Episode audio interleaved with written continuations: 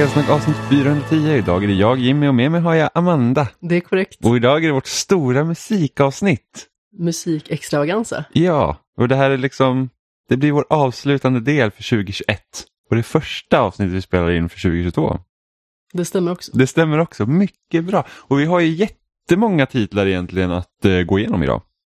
Ja, det har vi faktiskt. Det har ju kanske inte varit ett så solklart musikår som kanske förra året. Det kändes som att uh, man exponerades mycket mer för musiken just då. Men uh, ja, när man har kikat igenom lite och återupplevt lite musik så känns det ändå lite mer solklart. Det är ja. mycket som jag har upplevt till exempel genom att kolla på dig när du spelar. Ja, det är mycket, jag skulle säga så här att det är inte lika många uh, soundtrack som sticker ut i år, även om det har funnits mycket bra också. En del riktigt bra och sen så finns det mycket som låter likadant. Ja, men så är det. Så det finns ju en del som är så här att ja, det där hade kunnat vara något annat, men det, så kan det också vara. Och, det, och ibland så kan en sån typ av musik också lite förhöja upplevelsen, ska jag säga. Men eh, ja, ska vi köra igång? För vi har ju vår berömda hatt här. Eh, som i år är en faktisk hatt. Så, precis, det, hatten har varit borta i några år och sen nu har den gjort det tillbaka i ny skrud. Jimmy har köpt en hatt på Maxi. Nej, jag har inte köpt en hatt. Gjorde du inte det? Nej, det är inte jag som har köpt en hatt. Ja, och det här var ju en eh, lyssnare som skickade in eh, Tohu, tror jag att det ska uttalas. Ja, jag tror också det. Tohu! Tohu, ja men precis.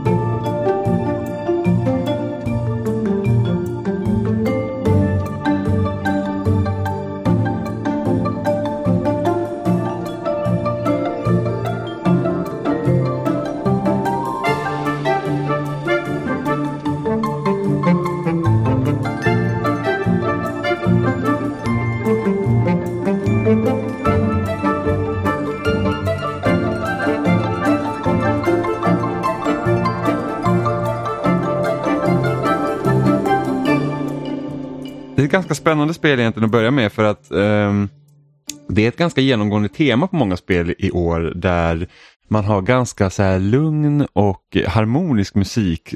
Mest kopplat till så att ah, men här kommer vi in i den här lilla byn eller här kommer vi in i det här eh, skogspartiet eller något sånt. Jag vet inte vad det här är för typ av spel. Jag har enbart lyssnat lite på musiken på det men den låter väldigt, eh, vad ska man säga, lugn och trevlig. I början så blandade jag ihop eh, titeln med H. Aha, okej. Okay. Jo, men när eh, liksom båda då fanns i omlopp om man säger så. Så var det lite förvirrande för jag tyckte att de titlarna var ganska lika i, sin eh, utformning eller vad man ska säga. Mm. Men så spelar du Hoa, så den har man ju lite mer koll på. Ja, jag har spelat Hoa, precis. Så kan vi redan raskt gå vidare till ett nytt spel. Ja, vi har ju tyvärr inte så jättemycket att säga. Nej, precis. Ingen av oss har spelat spelet Nej. och inte lyssnat så jättemycket på musiken som andra spel då. Och nästa spel är Shovel Knight Pocket Dungeon.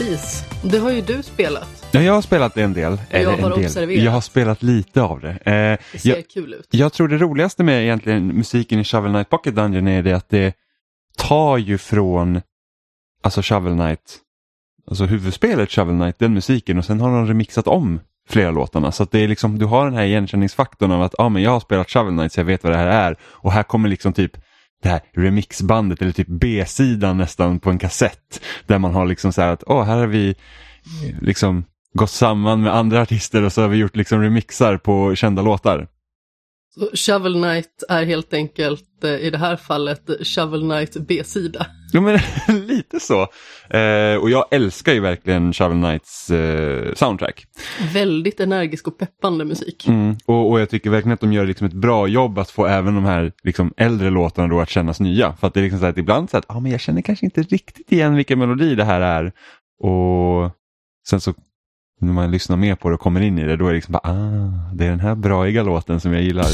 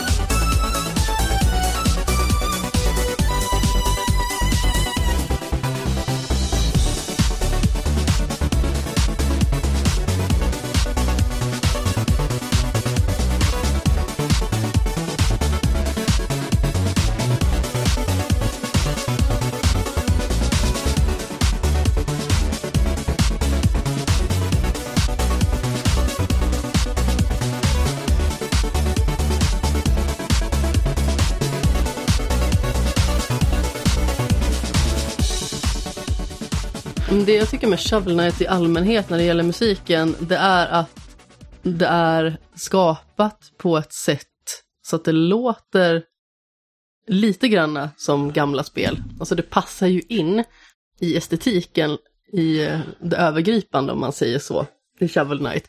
Men det låter samtidigt nytt. Mm. Ja, man, man skulle helt klart kunna tro liksom att ja, men så här lät det såklart när man spelade 8-bitars Nintendo till exempel. Så här lät det i ens huvud. Precis, även om det inte riktigt stämmer. Då, eftersom Vi har ju kan ha- andra liksom mer retroflörtande spel på listan som låter mer gammalt om vi säger så. Ja, men precis. Ehm, Men vilket förmodligen också är intentionen naturligtvis. Men det här är liksom någonting som vittnar om hur det var förr, men samtidigt så låter det väldigt nytt. Mm. Och det är alltid kul liksom att egentligen höra låtar som man känner igen liksom i, nya, i nya tappningar om man säger så. Sen, så. sen så finns det ju alltid en risk såklart att det kan liksom låta Skräp. skräp och man säger bara den här låten är helt förstörd. Eller så kan det också vara liksom att man hör remixen första gången och när man hör originalet. Man bara så här, nej, så här ska det inte låta.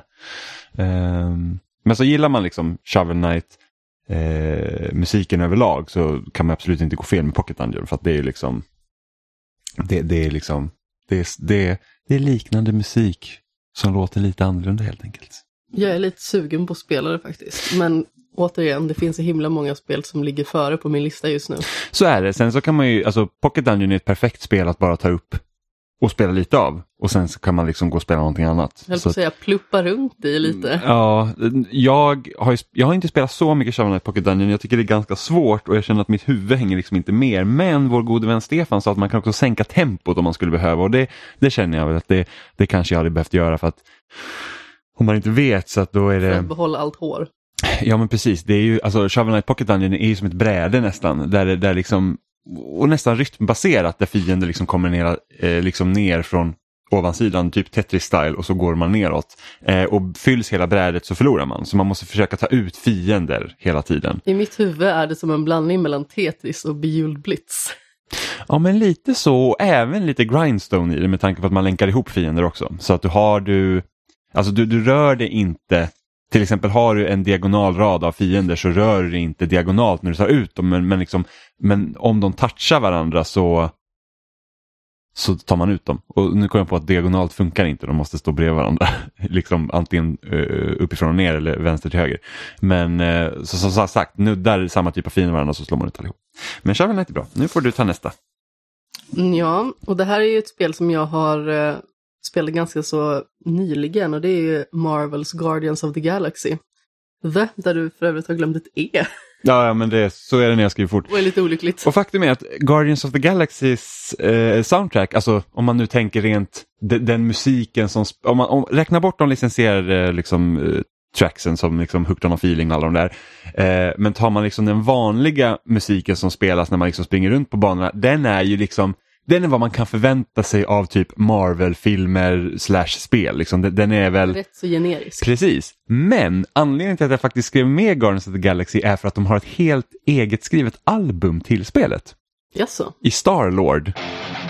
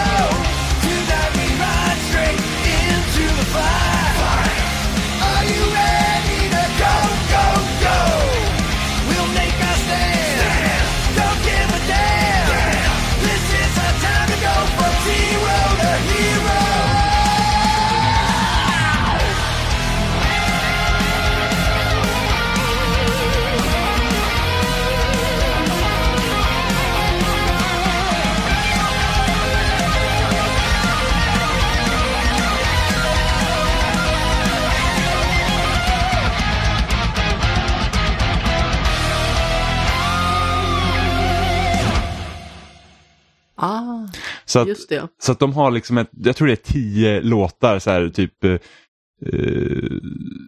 ja, hårdrocksband helt enkelt när de har skrivit liksom. Bootleg Iron Maiden. Ja men typ, precis. Eh, vad kan man, pudelrock. Inom den stora hårfrisyren. Så det är faktiskt en anledning till att jag tog med det. För jag tycker att jag tycker att det, det är en sån speciell grej att göra det. För jag vet inte hur det ser ut för Peter Quills.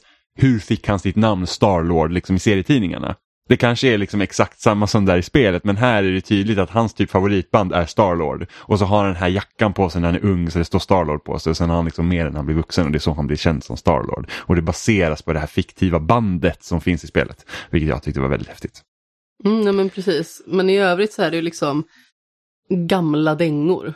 Alltså den licensierade musiken. Ja, precis, och visst, det. är ju charmigt i sin kontext, men låtarna är ju ganska så uttjatade. Ja, ja precis. När liksom, jag tror att många av de här låtarna även finns i filmerna. Alltså de 80-talsdängorna. Ja. Ja. Jag blev ju lite glad inledningsvis när de spelade I Ran av Flock of Seagulls, för att den är med i La La Land i en väldigt rolig scen. Gud, så himla länge sedan jag såg La La Land så jag kommer liksom inte ihåg det. Fantastisk film. Ja. Nu är det din tur att dra ur hatten. Yes, nu drar vi ur hatten. Vi går raskt på här. Får höra massa musik. Det blir roligt för alla. Och nästa spel är Art of Rally.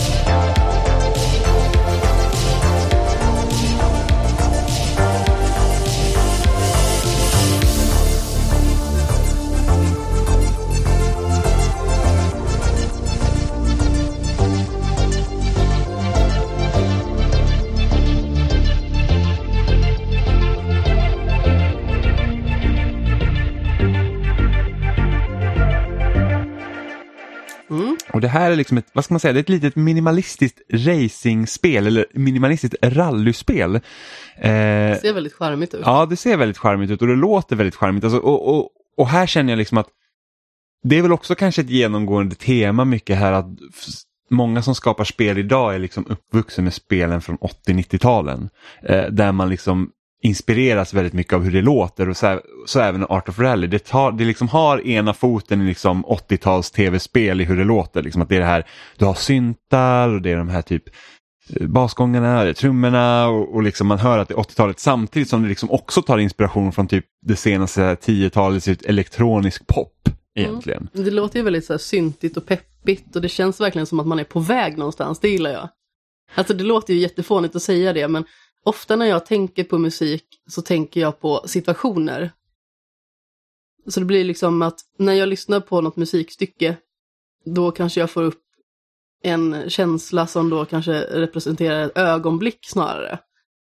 Så om jag liksom inte har sett spelet eller eh, vet vad som händer i ögonblicket musiken spelas då får man kanske en känsla och just här så är det liksom att man känner att man är på väg någonstans. Mm.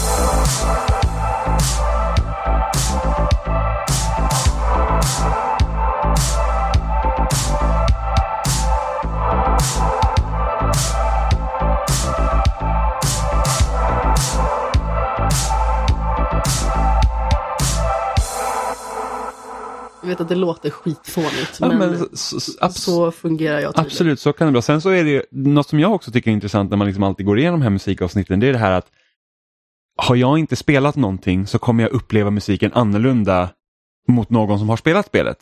För vi har ju haft flera tidigare år också ibland när vi har också fått tips här att ah, men det här musiken gillar jag i det här spelet och så tar vi med det och så, så, så, liksom, så att vi också inkluderar lyssnarna så att säga.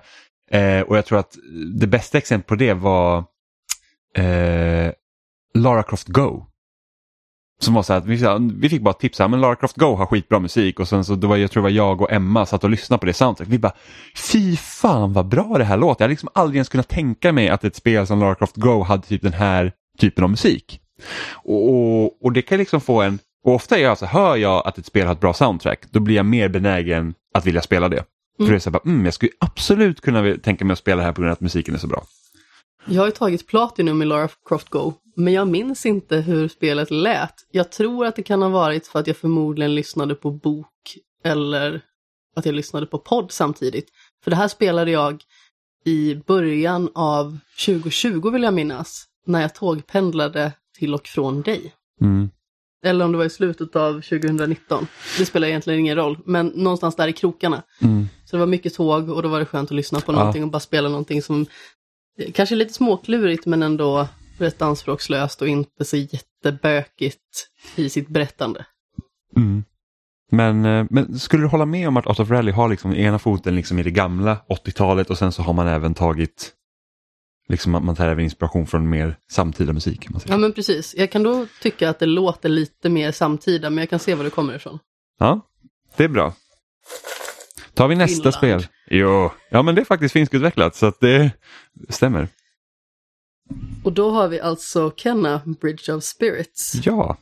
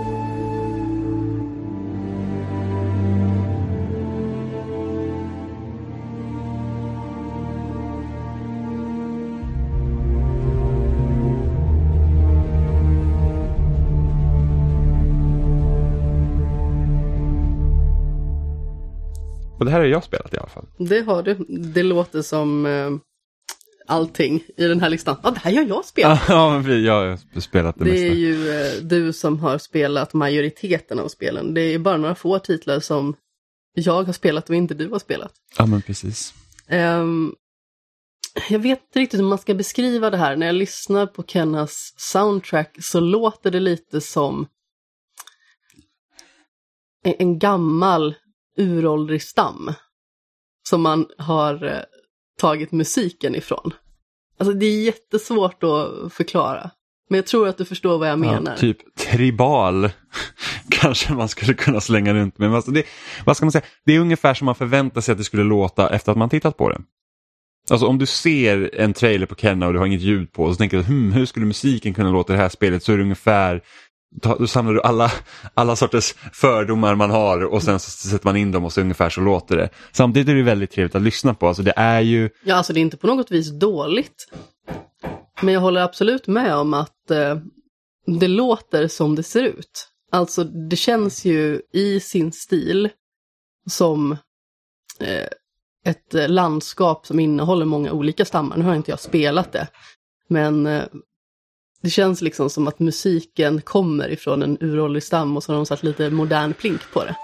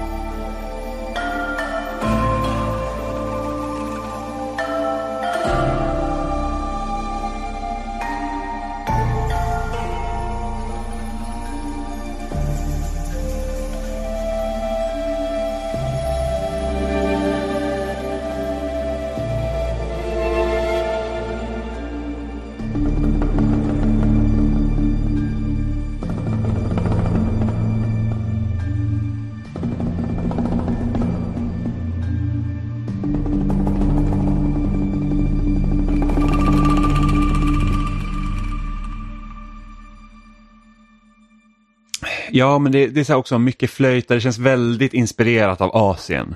Eh, och jag vet att eh, spelskaparna själva sagt det är lite så här, de vill fånga lite den här Studio Ghibli-känslan, vilket utseendemässigt ja, eh, musikmässigt nej. Det är ju bara de här små mupparna som är lite mer Studio Ghibli. Ja, men precis. Det är liksom den, den känslan man, liksom- för det är som en blandning nästan Studio Ghibli. Du har liksom de här influenserna från asiatisk kultur och sen så får du också, vad ska man säga, Disney-fieringen i typ hur karaktären ser ut, alltså sig självt. Mm, kanske lite mer åt eh, det andra hållet på jordklotet, tänker jag också. Andra hållet varifrån? Från där vi är just nu. Jaha, alltså tänker du hur karaktärerna ser ut eller? Men jag tänker liksom själva inspirationen. Ja, men precis. Det, det, det, väl, det känns ju väldigt rotat i asiatisk kultur. Alltså Mm. själva he- hela spelet i teman och hur man behandlar eh, liksom de här olika väsena och eh, sen de här såklart de svarta bollarna. Ja, vad ska man kalla dem? Svarta... Just det, ruttisarna är det. Det är ruttisar. De kallas rott i spelet, vilket jag tycker är ett jättekonstigt namn. Men så vi kallar dem ruttisar i spelsnack. Röta. Eh, Rötarna.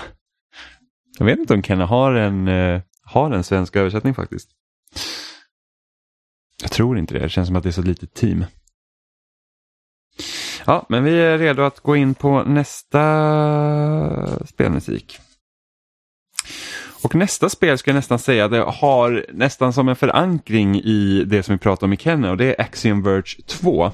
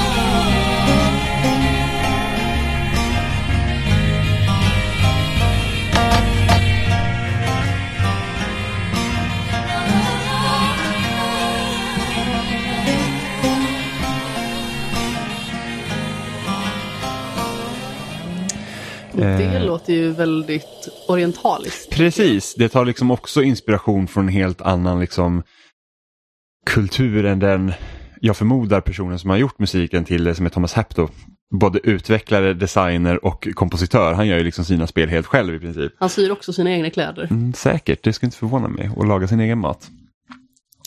Som de flesta gör förhoppningsvis. Man vet aldrig. Eh, men precis, och där, och jag kommer ihåg, jag tror att vi pratade lite om det här eh, när vi pratade om X-Inverse 2 i podden, var ju det här att jag kan väl känna att musiken känns väldigt speciell i sig som den är. Liksom att man har, du har liksom ett, ett, ett 2D, ett 2D Metroidvania som ser liksom också väldigt retroaktivt ut eftersom det är liksom pixelgrafik. Men soundtracket liksom stödjer inte upp det riktigt utan du har liksom, det, det är liksom ganska det kan vara lågmält emellanåt, det kan vara ganska bombastiskt emellanåt men så har du liksom de här körerna i bakgrunden som då gör att man förnimmer som den här orientaliska känslan.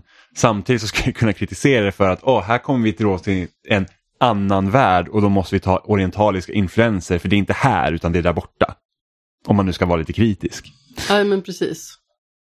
Samtidigt tycker jag att musiken sticker ut väldigt mycket just på grund av det. Att det är liksom så att om man bara, men det här hade jag inte förväntat mig att det skulle låta. Och speciellt inte om man då jämför med hur Axiom Verge 1 lät.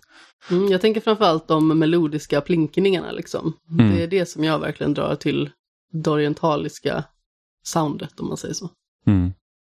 Så det, det är också ett väldigt, vad ska man säga, speciellt soundtrack. Eh, som sticker ut helt enkelt. Och det, är, och det är ju ganska, jag kan ju också tänka mig att det finns liksom en vilja att göra någonting annorlunda från Axiom Verge 1 för att det som skiljer ettan och tvåan mot varandra det är det att de är ju väldigt olika varandra förutom att de har ju, de har ju en liknande struktur såklart i att det är liksom så att du har en, en öppen karta, du, du får nya förmågor där du kan göra så att du kan utforska mer så att säga. Men liksom stridssystemet är helt omgjort och då har man liksom istället för att då köra på exakt samma som i ettan, då att, ah, men hur gör vi så att vi skiljer oss så mycket som möjligt från, från det här som möjligt och då kan jag tänka mig också att det var en inriktning för musiken. Mm. Jag eh, har fått eh, den tanken liksom om det att många som gillar första spelet tycker att andra spelet känns väldigt underväldigande. Ja, men det, jag tror att folk förväntar sig någonting annat Medan eh, Thomas Happ då har gjort liksom en ganska stor liksom girning ska man säga från, från första spelet. Alltså att första spelet är väldigt mycket Metroid. Du, liksom, du har din armkanon och du skjuter mycket medan här är det helt milibaserat. I princip. Ja, men precis. Jag kommer ihåg att jag tyckte att det första spelet var så vansinnigt snyggt. Jag kommer ihåg att jag gillar inte första spelet alls. Det var ju olyckligt. Jag har inte spelat det. Så jag har bara observerat. Och här kommer ju en favorit till dig och det är ju Chicory, A Colorful Tale. Ja,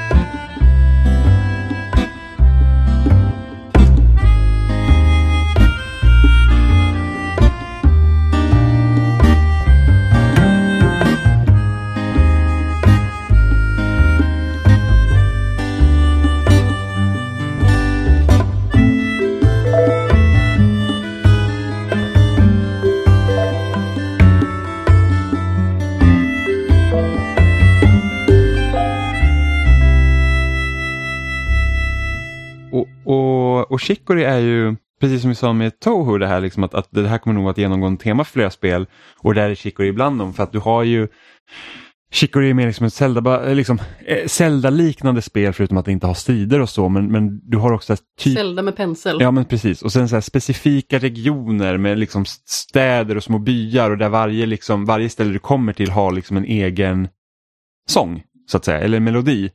Eh, så att, att du, du liksom, det hela tiden bygger på varandra och det är samma kompositör här som var till Celeste. Ja, Lena Rain. Ja. Eh, och, och det som var, Lena Rain gjorde jättebra med Celeste det var ju det att det kändes som att de styckena som fanns i det spelet var ju att de berättade historien också. Ja,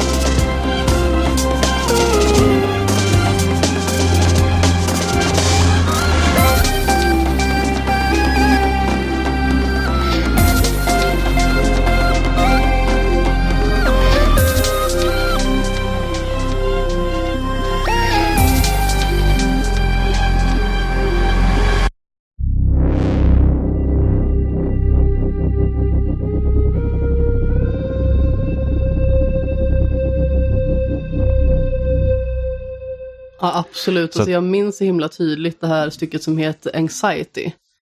Jag får typ förhöjd puls och blir tung i bröstet av det stycket. Det är så himla påtagligt, i synnerhet om man har lidit av ångest någon gång, så passar det stycket verkligen in som handen i handsken. Det är knappt så att jag orkar lyssna på det stycket, även att det är kanonbra. Och det är samma för Chicory. Jag känner- känner också att Chicory liksom eh, berättar så himla väl om vad det är för typ av ställe man har kommit till och liksom lite vilken känsla man ska få. Så att Det är en väldigt skillnad när man är liksom i en, en av de större städerna eller när man går liksom i, i grottor eller när man är nere liksom hos eh, insektsdrottningen eller när man liksom är i typ första byn eh, där man liksom kommer ifrån. Liksom att vilken känsla det är man vill skapa och det, och det är ju inte som att precis som spelet i sig behandlar ganska tunga teman så vill den ändå liksom vara värmande. Det, det är liksom inte som att den är den är inte dramatisk där den måste vara dramatisk utan den är liksom ganska värmande och håller i en. Liksom, att, säga att ja, men det är okej, okay, liksom, att, att det behöver inte vara bäst på allting. Du behöver liksom inte du behöver inte liksom prestera ditt absoluta max hela tiden utan vi är här för att hjälpa till. Och jag känner liksom att spelets musik också gör så att man liksom vaggas in i någon sorts av lullull nästan. Mm, väldigt välkomnande. Ja, men precis. Jag tror att jag har skrivit eh, sagolikt plinkande.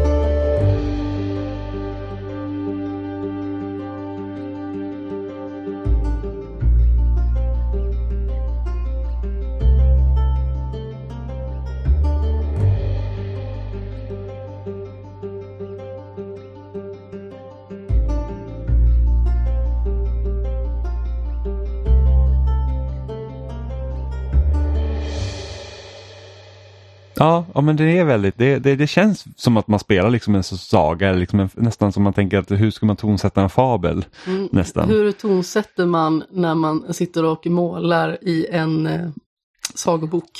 Ja, men lite så, så att man får väl, det är lite drömsk känsla nästan också. Mm, absolut. Vi pinnar på i rask takt. Så har vi nästa spel, A Death's Door.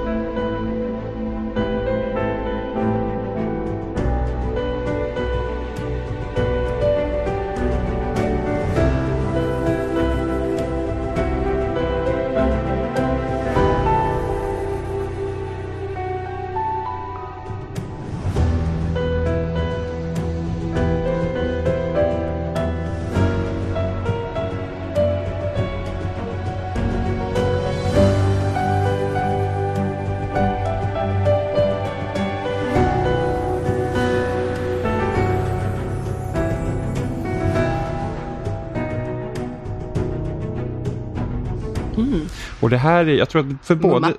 för både dig och mig så är det nog här vårt favoritsoundtrack för i år. Utan tvekan. Det är verkligen fantastiskt. Jag tycker ju att, nu kommer jag inte ihåg vad kompositören heter. David du- Fenn. Precis, jag var så här, det var någonting som lät ganska så generiskt men jag borde komma ihåg det egentligen. Eh, Death's Door sätter ju verkligen ton på varje känsla och sinnesstämning genom spelet. Nu är inte jag klar med spelet än, men hittills är det verkligen så jag upplever det. Och sen så har jag kollat på när du spelade i somras också. Och man kände ju verkligen att wow, när det är en tung strid, man rycks ju med. Jag satt ju och diggade när du spelade för att det var verkligen sådär medryckande och, och samtidigt när man springer runt och det liksom inte händer så jättemycket dramatiska saker så är det väldigt finstämt och vackert. Alltså jag älskar musiken. Däremot så Avarice är ju min favoritlåt, den jag råkade rapa till. Ja, men precis när du körde liksom, för det är typ en av de vanligaste stridslåtarna. Ackompanjerade skulle Ja. jag vilja säga.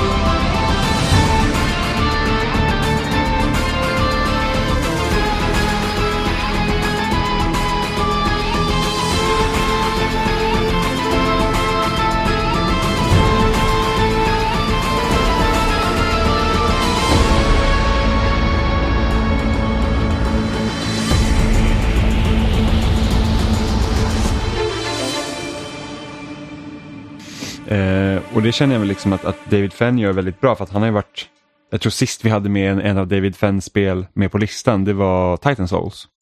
Eh, och Titan Souls var ju ett spel där, ja, egentligen så att du hade liksom en pil. Och varje gång, du, blev du träffad en gång så dog du och medan du hade din lilla pil som du fick skicka iväg och sen så fick du hämta upp pilen för att skjuta iväg den igen mot bossarna och varje boss hade ju liksom ett, ett eget tema. Mm, just det, Eh. Titan Souls vet jag att du vill att jag ska spela. Ja, det är jättebra. Och, och sen här känner jag också liksom att, att han vet också precis om när man liksom ska trycka på liksom de mer liksom bombastiska tonerna. Den när man, trumman, när ska man hålla tillbaka? För att det är en väldigt blek värld som målas upp.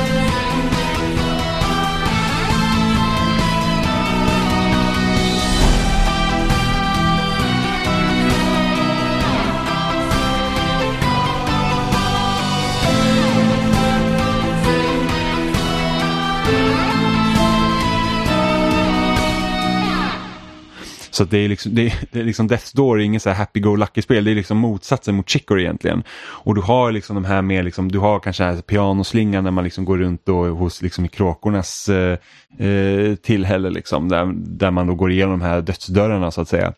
Eh, och sen, sen så när man liksom kommer då mer till bossarna då vet man så okej okay, men nu, nu kör vi liksom, nu går vi från liksom ha kanske ett pianoklinkande till att nu drar vi liksom igång elgitarrerna. Eh, utan att det liksom ska låta som typiskt elgitarrer när det går igång. Jag kan ibland tycka så att när man kör mycket mycket elgitarr så kan det låta lite billigt ibland för jag tycker att liksom allt börjar låta samma sak. Medan här är det liksom inte så utan det, det är verkligen så att nu, nu, nu måste du liksom dra igång, nu gäller det att du liksom rappar på och liksom, nu får det vara skärpt och då, då följer musiken med på ett sätt. Eh, men också här är det också blandning mellan, liksom, du har, du har liksom mer det bleka, du har liksom mer det hårda och sen så kommer också liksom här att ah, men nu är du faktiskt i typ en underjordisk grotta och då behöver vi ha lite mer lullull. om man säger så.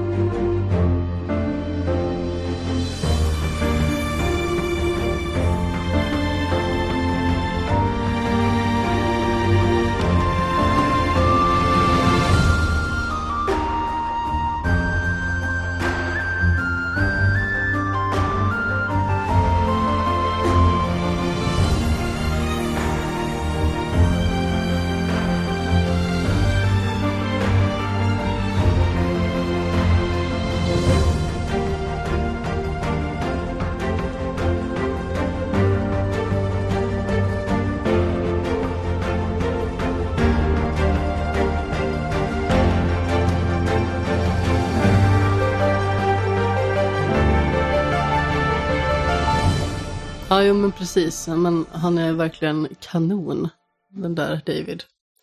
Jag, eh, återigen, bara lyssna på Avarice. Eh, och den melodin. Alltså den är liksom så suggestiv och så energisk. Och jag blir exalterad när jag hör den låten. Det är Mm. synd att det inte finns på Spotify, för jag vill ju ha det i någon träningslista. Typ så här, nu ska jag göra ett tungt knäböj, då vill jag lyssna på. Men den finns på- på YouTube. Den finns på Spotify. Gör den det? Ja, Death Door soundtrack finns på Spotify. Nu när du säger det har jag miniminne av att du har sagt det här innan till mig. Ja. Varför lyssnar jag då på YouTube, mitt dumma nöt? Ja, majoriteten av soundtracken som vi har med eh, finns faktiskt på Spotify. Eh, sen är det några som man får gå in på YouTube och eh, försöka hitta några game rips av för att se helt enkelt. Mm. Så gör vi Här nästa kommer jag. spel. Mm. Då var det återigen en lyssnare och det här var eh, A Night at the Races.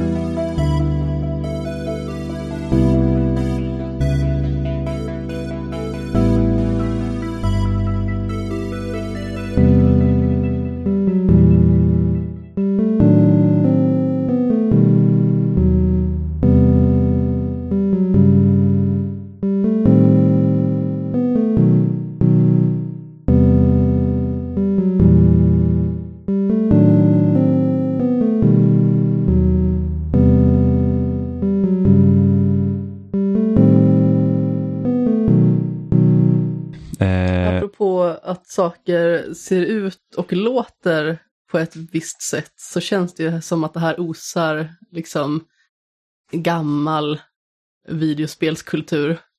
Ja men precis, det är liksom typ, ja men det är väl också det här genomgående temat som har varit senaste åren, liksom att man kör mycket retro, det ska kännas 80-tal, jag får liksom genast den här typ ehm, Sliten skinnsoffa, liten tjock-tv och så en liten hård handkontroll som är sladdad in i konsolen. Ja men precis och sen så ligger man på mage framför liksom benen upp i luften. Ja, för att man inte når annars. Ja men precis, och sen, men det är lite så Stranger Things känsla Mm. när man ser liksom de bilderna som fanns med. Det här är också ett spel som inte vi har spelat. Ja, men det såg spännande ut. Ja men det gör det. Ska ta en kik faktiskt. Ta en liten kik. Så pinnar vi vidare. Nästa spel är Little Nightmares 2.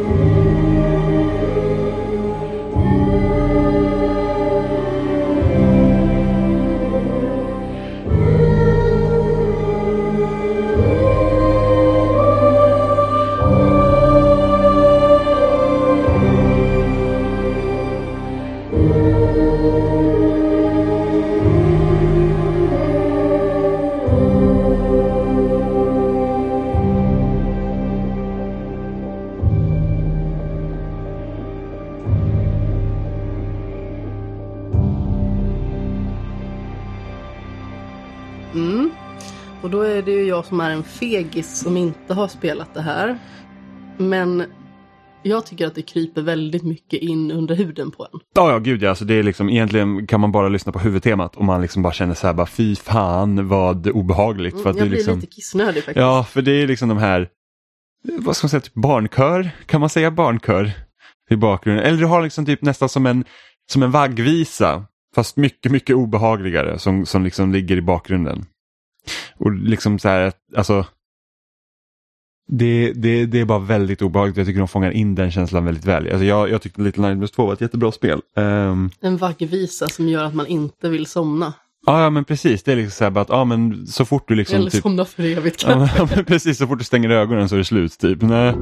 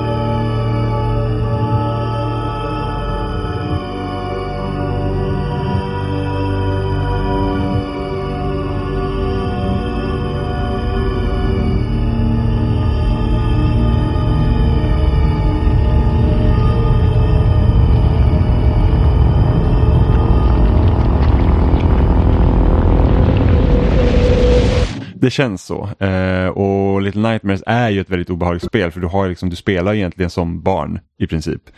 Eh, som blir utsatta av hemskheter av vuxna människor. typ. Första spelet var också väldigt obehagligt, men det tappade lite sin obehaglighet på grund av hur dålig spelmekaniken är. Jag tyckte att det kändes väldigt fumligt att ha lite så här, ja, lite limbo-syndromet, att det ser bra ut, det är spännande, konceptet är ganska så på topp. Men när man ska spela det så känns det fumligt och eh, märkligt. Mm. Tvåan är mycket bättre på det hållet. Mm, men jag har hört det. Men eh, på grund av att ettan var sådär att spela så tog jag mig aldrig an tvåan. Och nu när jag har kollat på dig så tycker jag att tvåan är väldigt mycket läskigare. Ja, tvåan är faktiskt väldigt mycket läskigare. Alltså det är typ det värsta jag vet är ju den här jäkla typ läraren som kommer upp med så här, får typ hur lång nacke som helst och bara går, Ja. följer efter det med enbart huvudet. Det är, sjukt obehagligt. Då tar vi nästa lapp. Jag trodde först att det inte var någonting på lappen, men det var bara för att jag kollade på den sidan. Toem.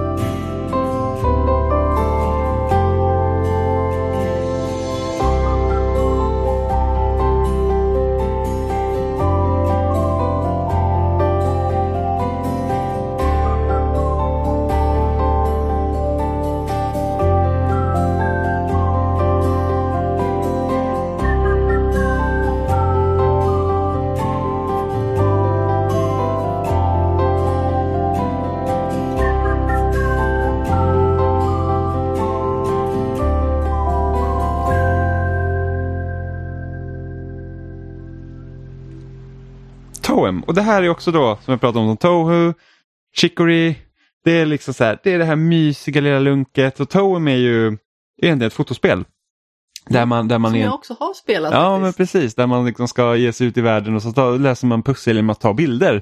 Eh, och precis som i Chicory och, och andra liknande typer av spel så är det så att varje stad, varje ställe har liksom en egen melodi och det liksom sätter tonen väldigt väl för hur, ja men lite så här, vad är det för sinnesstämning man ska ha här? Mm, det är ju väldigt tydligt vad det är för typ av platser. Alltså vi har ju stranden, vi har skogen, vi har bergen, vi har den hektiska storstaden som jag bara ville fly från så fort man kom in i den. Trots att spelet naturligtvis är väldigt charmigt och roligt men jag blev väldigt stressad av den miljön och musiken hjälpte till lite där.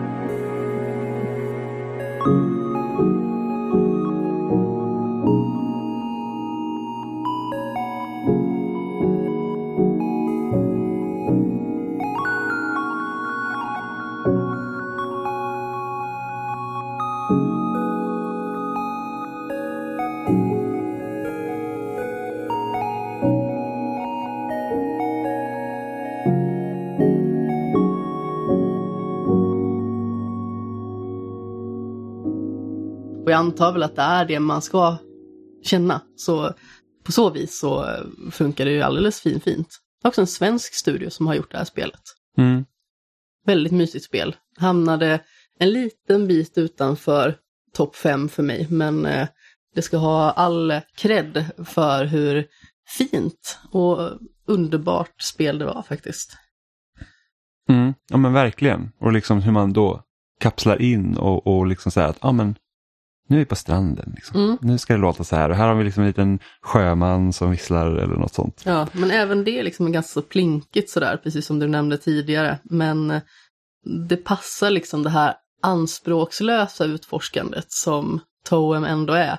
För där är det liksom inte att du ska samla saker för att bygga saker eller för att eh, skjuta saker eller sådär. Utan här är det liksom att du ska leta upp olika saker som fungerar bra i en fotoutmaning. Ja men precis, och du har liksom din kamera. Och det är liksom så du får läsa liksom delarna helt enkelt. Låt oss aldrig minna fotoutmaning, eller låt oss aldrig glömma fotoutmaningen där eh, eh, jag stressade den här snigen att springa fortare. Ja, det, fa- det, fanns en, det fanns en trofé i spelet som man skulle få snigeln att gå från start till mål på ett ställe och då ska man liksom vänta då. Och du satt och kollade på Och den och, långsamma. och, och jag satt och tittade på den här snigeln så att jag tänkte han får ta sin lilla tid, han får gå från start till mål och sen när han kommer till mål så får jag min trofé. Amanda hade en annan plan. Jag gick full fotbollspappa på den här snigen. Ja. Så att den stackars snigeln fick stressa sig över den här jäkla eh, marken alltså. Det var eh, snigelplågeri. Ja, jag ber om ursäkt till snigen. Då tar vi ett nytt spel i rasande takt. Och nästa spel är Exo One. Mm.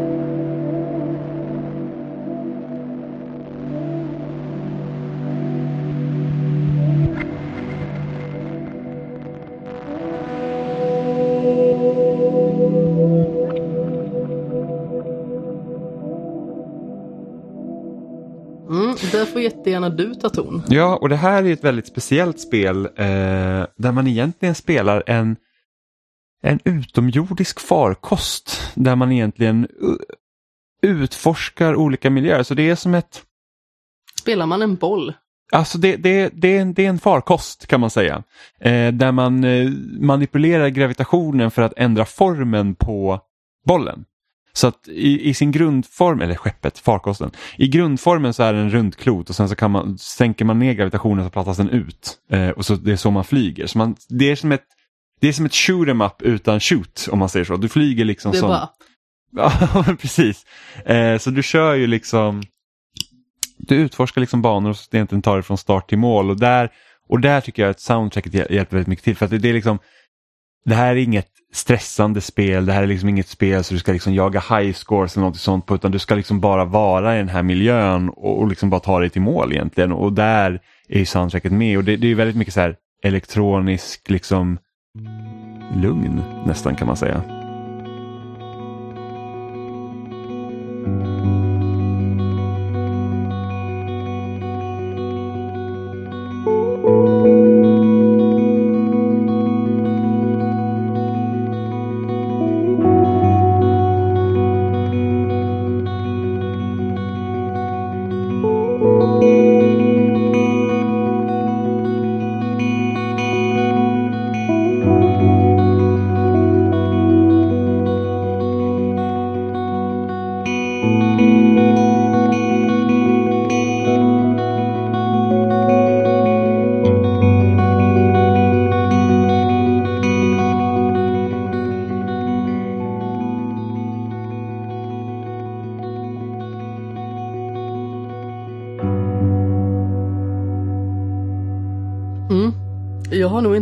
Någon anteckning på det här. Förmodligen för att jag inte hittade soundtracket.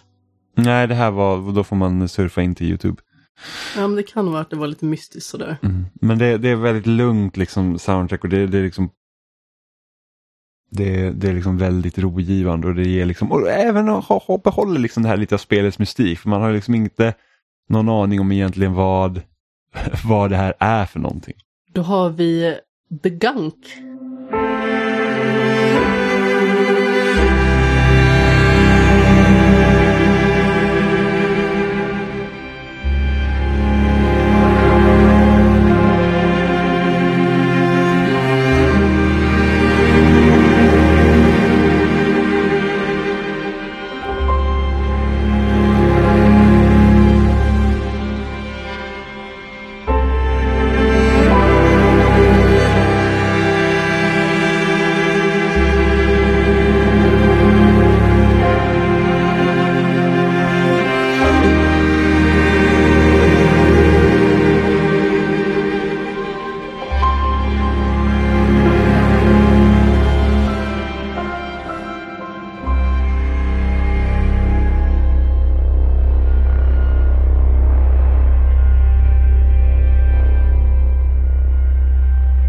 Också svenskutvecklat spel. Jag har också det nedladdat och inte hunnit börja spela den. Men det är ju en studio som jag håller oerhört varmt om hjärtat och det är ju Imagine Form. Ja, och det här, alltså, jag är ändå ganska förvånande över det här soundtracket. Liksom, jag vet att Steamworld Dig 2 hade ett väldigt, väldigt bra soundtrack. Ehm, och det här spelet är liksom inte riktigt det tar ju också vara liksom det här på att man är på en annan planet och sen har man liksom det här egentligen eh, det här elektroniska bakgrundssoundet egentligen eh, som är mer stämningshöjande än faktiska melodier om man säger så. Mm, det är ganska lågmält och emotionellt. Ja, men precis. Lågmält emotionellt. Det ska jag också säga liksom, att det är ingenting det är ingenting jag skulle liksom sätta på i lurarna för att säga, åh fy fan vad bra det här, nu ska vi lyssna på The Gang Soundtrack hela tiden. Men det gör väldigt mycket för spelet. Eh, och det här spelet är också någonting som är ganska blekt. Alltså både om man rent ser liksom färgmässigt hur spelet ser ut så är det liksom väldigt ja, Det liksom, ser lite uttvättat ut. ja, uttvättade färger. Eh, men samtidigt som liksom också berättelsen handlar om, det här är liksom en planet i princip som har gått under för att de har någon knäppis som typ försöker kontrollen över allihopa. Eh, och, det gäller, och man ska liksom driva bort korruptionen från världen. Men liksom som stämningshöjande bakgrundsmusik till spelet så är det verkligen kanon.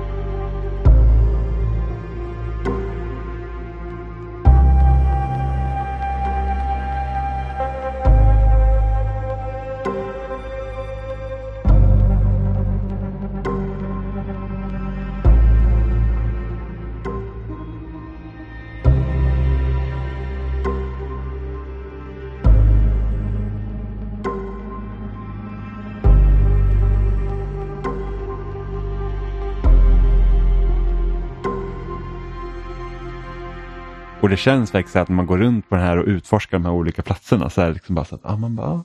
alltså man, man får den här, det, det ger en väldigt speciell känsla, tycker jag. Mm, väldigt trivsamt. Ja, ja men det är det. Och utan, Även det, att det är liksom en eh, farlig värld. Ja, och det vill liksom inte stressa en eller någonting sånt. Det, det, det är liksom bara fint. tar vi upp en liten ny lapp. Då har vi Genesis Noir.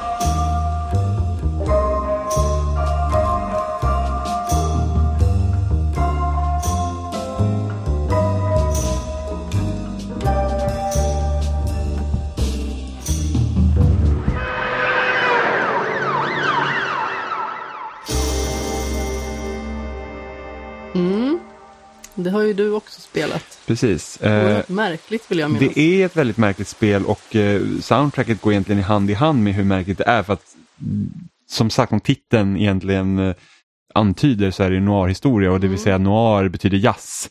Eh, Ja, men precis. och med tanke på hur, hur liksom slumpartat jazz kan kännas liksom eftersom det, vad ska säga, det är nästan som improvisation när man spelar jazz. Ja, om vi säger inom citationstecken en riktig jazz. Ja men precis. är ju verkligen eh, improvisatoriskt och eh, väldigt lössläppt. Ja, och, och, och spelet är uppbyggt på samma sätt. Det är ju liksom, det, det, eftersom det är en kosmisk historia om man säger så, en kosmisk kärlekshistoria egentligen där man reser genom tid och rum eh, så tar den också, det känns som väldigt, väldigt hoppackat av många olika delar. Och här hjälper ju verkligen musiken till, liksom att du, det, det är liksom Jazzen kan liksom förhöja den här känslan av att nästan vara slumpartat, eh, tycker jag. Mm. Det vandrar lite mellan någon form av mystik till eh, sådana här inslag då med väldigt mycket jazzighet och blåsinstrument. Mm. Jag gillar ju blås, jag tycker att det är helt trevligt. För det mesta, alltså naturligtvis allting kan bli för mycket, men eh, jag kan tycka att det är lite trevligt med lite skönt blås i bakgrunden. Ja men så är det. Jag, jag och Robin en gång vi satt och spelade Hård i Gears of War 2 och då på 360-tiden kunde man liksom sätta in musik på en USB-sticka och bara stoppa in i maskinen. Sen kunde man spela upp den musiken istället för spelmusiken. Så körde vi Gears of War 2, sågade massa uh, fiender till jazz. Det var en väldigt speciell känsla. Ja, du vill inte sätta in eh, soundtracket till Dragon Quest där istället då?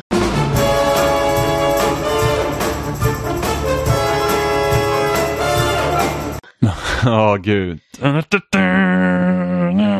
nej, Ja, det var bisarrt. Hemskt. Det roliga var när vi var hos Emma och Robin och spelade Smash. Det var ju inte senaste gången och inte gången innan dess. Men då var det ju någon Dragon Quest-inspirerad bana.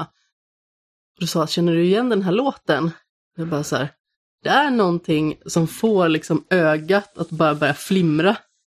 Den förbannade låten. Ja, nej, det är... Fruktansvärd Ja men verkligen. verkligen, den är, den är, den är hemsk den battle-temat i Dragon Quest 11 tror jag det är. Ja, men precis. Återigen ett spel som bara du har spelat. Det var ovanligt. Eh, Psychonauts 2. Precis, eh, och Psychonauts 2 har ju liksom det här nästan karnevaltemat kan man säga med tanke på att eh, huvudpersonen kommer liksom från en familjecirkus egentligen. Ja, men precis. Jag har skrivit barnprogram och spioner. ja, men, ja men det är inte helt, det är inte helt eh, liksom främmande egentligen förklaring för den här, det här spelet.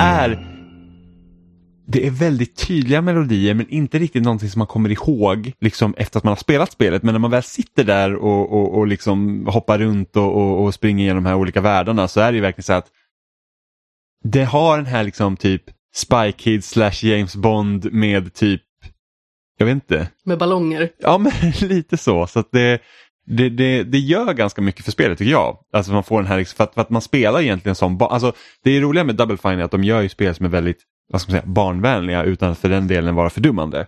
Eh, och de kör liksom det temat liksom fullt ut här också. Det finns ju mycket djup i berättandet.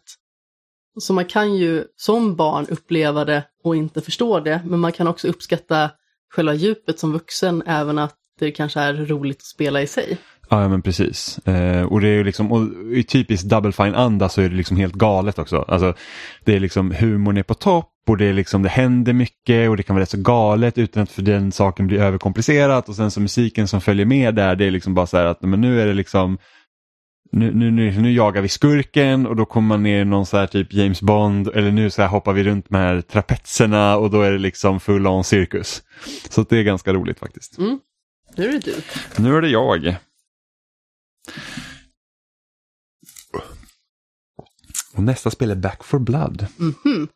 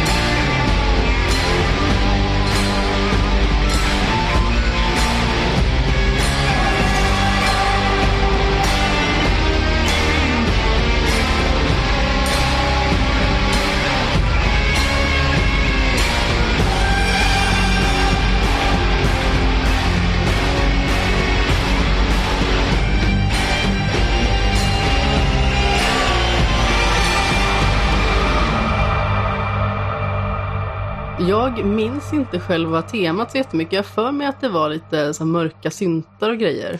Men däremot så har jag ett väldigt tydligt minne av du, jag, Gustav, Oliver spelar på den här baren där det finns en jukebox och Tick Tick Boom av The Hives går igång om och om igen om man ska hålla på och skjuta fiender till den. Så det är liksom den musiken som verkligen definierar spelupplevelsen, att det, allting bara sprängs. Ja, men det är lite så i Back for Born. Alltså det, Jag ska Sa också... du Back for gud, Back for Blood. Jag var helt inne på typ Backbone nu. Men, Back for Boner. ja, men alltså det är... Det är liksom, om man tänker så här huvudtemat eller något, nu dog Amanda. Hon bara penis. Gickar om. Mm. Mm. Men du har ju liksom, jag känner mig inte att Back for Bones... Back for Blood, vad är det?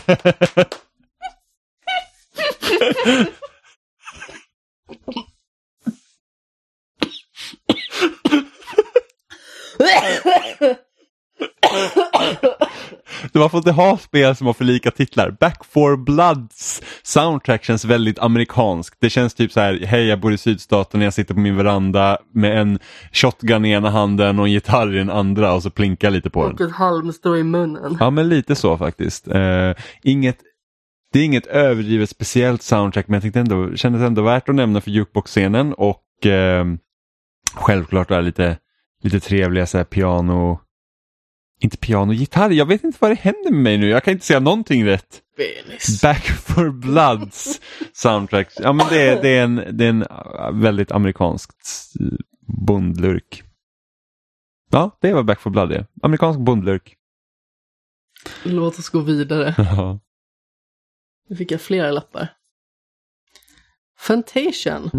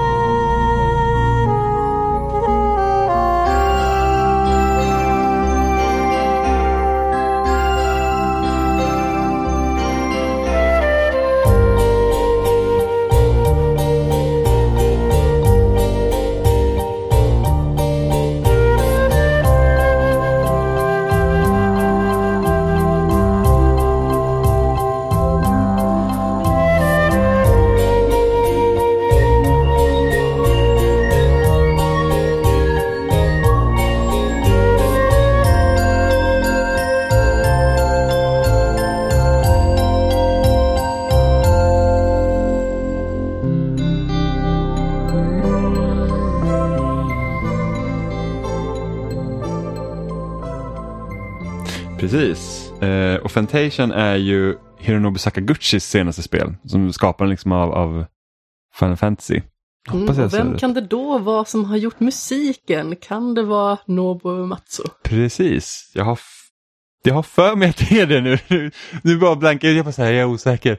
Ehm, Jag tror att det är korrekt. Ja, precis, men det här är ju också ett JRPG på iOS helt enkelt. Finns inte någon, jag tror inte det finns på PC. Eh, men det här är också det här att de, de, det är lite vad man kan förvänta sig av den här typen av spel. Liksom, samtidigt som det tar lite så här elektroniska influenser samtidigt med sig.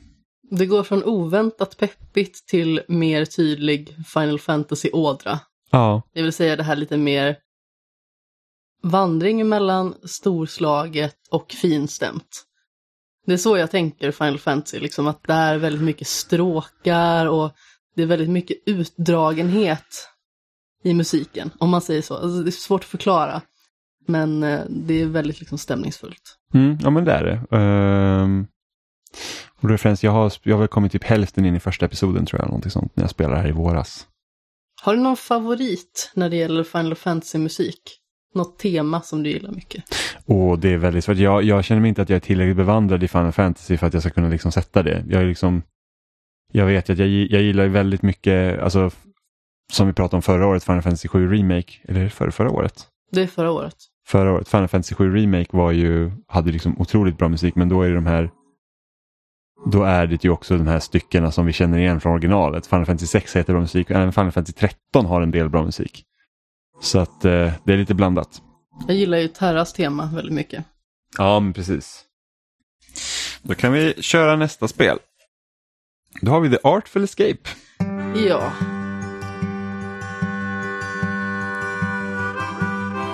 See a blonde haired boy, he be playing in the fields, and his daddy lifts him up on his steering wheel. Says one day, son, this'll all be yours, and the banks of the rivers are lined in gold. And the sweet rose of pines lost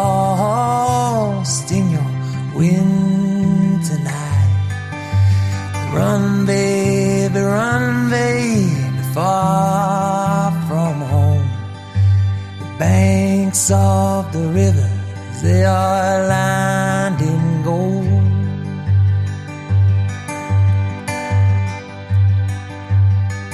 Now you best believe he is grateful indeed for all the work that his mother be doing with the pick and her seeds. She's lifting the hay fields and she's turning the soil. Where the banks of the rivers they are lined in gold. Near the sweet rose of pines lost in your winter night run baby run baby far from home where the banks of the rivers they are lined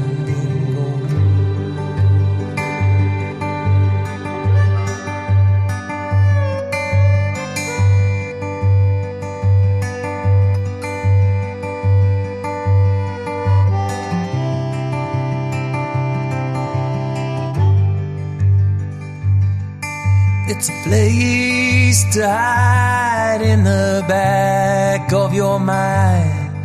It's a soft just like a hummingbird when she touches the sky. And you've got nowhere, and you don't know just why. You're a child of the river coming home tonight sweet rose of pines lost in your winter night where you run baby run baby far from home. Where the banks of the rivers they are lined in gold. And you run, baby, run, baby, far from home, banks of the rivers are lined in gold, where the banks of the rivers are lined in gold. Och det här spelet är väldigt speciellt för det, det är ju, alltså utan sin musik så är ju det här spelet ingenting egentligen. Utan det baseras ju helt på den musiken som ackompanjeras till spelet. Och, och speciellt liksom om man tänker hur spelet börjar och hur det slutar. För att huvudkaraktären i spelet är ju liksom så här, han är son till en jättekänd typ, vad ska man säga, countrymusiker? ja lite mer här folkmusik. Ja, men okej, ja, pre- ja, men precis, folkmusik, vi säger det istället, det, det passar bättre. Eh, vilket gör att han tror också att det är liksom, han måste leva upp till sin pappa och det är liksom också den musiken han spelar så att det börjar ju liksom där. Du har liksom de folkmusiklåtarna vilket jag tycker ändå låter trevligt om man säger så. Eh, och liksom ju längre in i spelet man kommer och den här liksom personen försöker liksom hitta sin, själv sitt eget sound. Liksom att säga att jag behöver inte vara inrutad i den här lådan. Liksom, Sin utan, egen identitet. Precis och då liksom, och det bara, alltså vad ska man säga, att musiken bara växer och sväller liksom i alla konstiga riktningar. Eh, liksom du har och redan när man spelar liksom att banan reagerar ju också på det för att du har ju mycket av de här du liksom går från att då ha en akustisk gitarr, den här typiska folkmusiklåten då, till att köra elgitarr.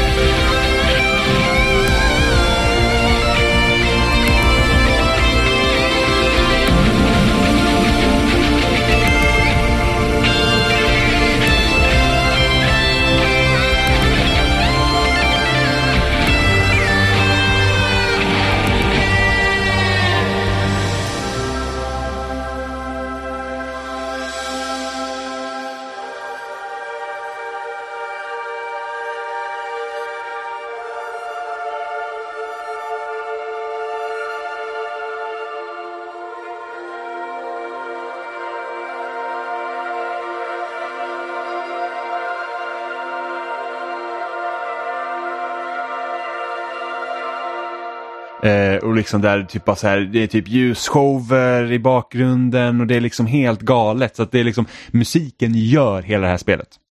Jag tror att det var våra kära vänner på Svampriket som beskrev det som att det är ganska tydligt att alla förväntar sig att han ska vara typ Bob Dylan, men själv vill han vara David Bowie. Ja men lite så, det är faktiskt inte en, det är inte en dålig liknelse. Måste jag säga.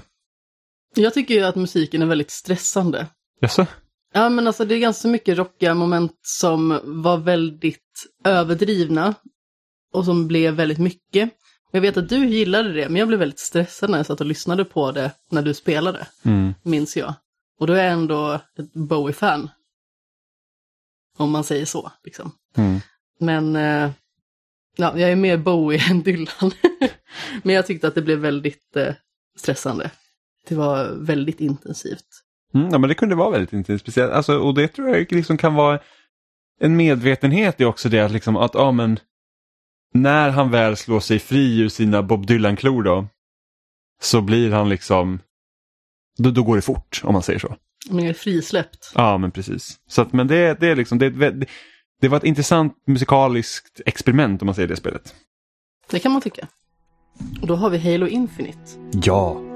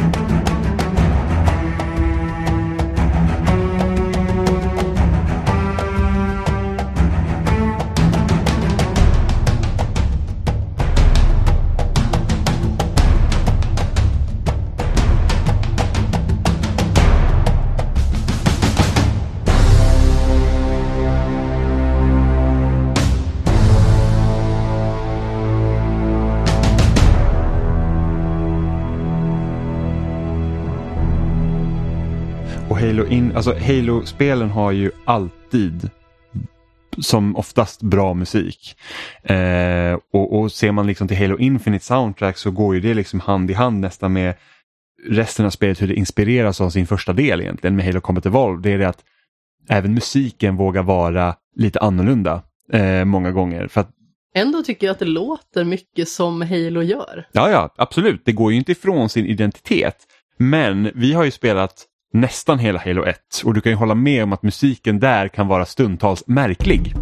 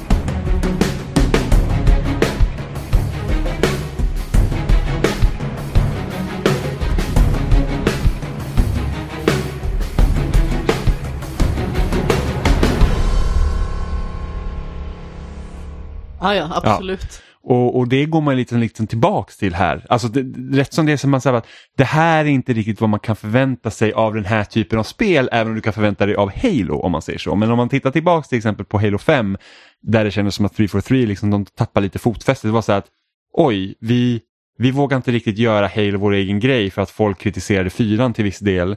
Eh, så vi liksom bankar mer in på det folk känner igen, där det var väldigt mycket så här samma medan Halo 4 soundtrack som vilket var 343s första egna Halo, var ju väldigt liksom annorlunda också.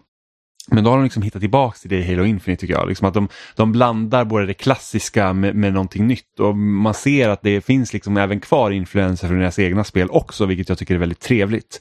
Eh, men de har ju också delat upp soundtracket i två så du har ju, du har ju soundtracket för kampanjen där de har ett visst antal kompositörer som har gjort det eh, och det är där man liksom hittar klassiska Halo-soundet och liksom, eh, lite det här mer experimentella de liksom försöker för att ah, men det är liksom Halo, det är lite annorlunda och lite knasigt. Eh, men sen så kommer det också till multiplayern som har en helt eget soundtrack också.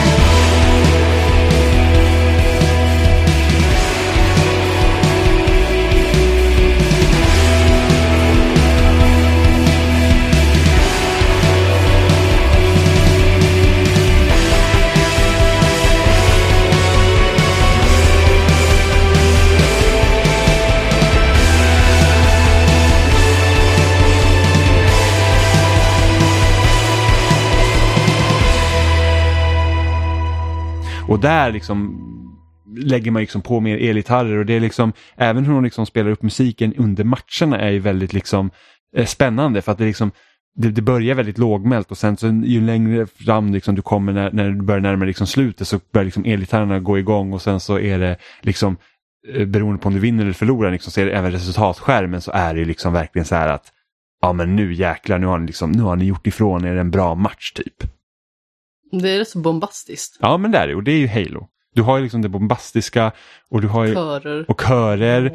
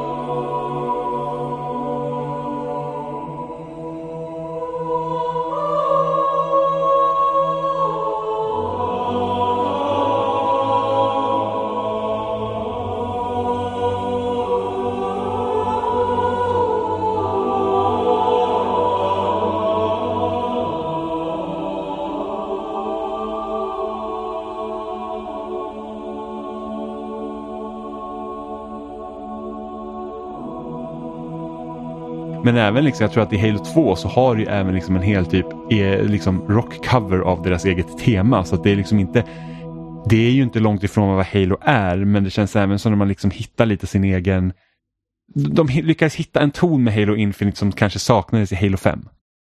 Mm, ja, spännande, jag har inte spelat femman än. Nej. Vi har inte spelat klart ettan heller Kanske än. i år. Kanske. Ettan kommer vi definitivt bli klara med i år. men man får ju hoppas. Jag trodde att vi skulle vara klara med ettan för flera månader sedan. Jo, men det var ju annat som kom i vägen och det vet du också. Ja men så är det. Men Halo Infinite Soundtrack är faktiskt väldigt, väldigt bra. Det är jag glad över. Mm, visa hattarna.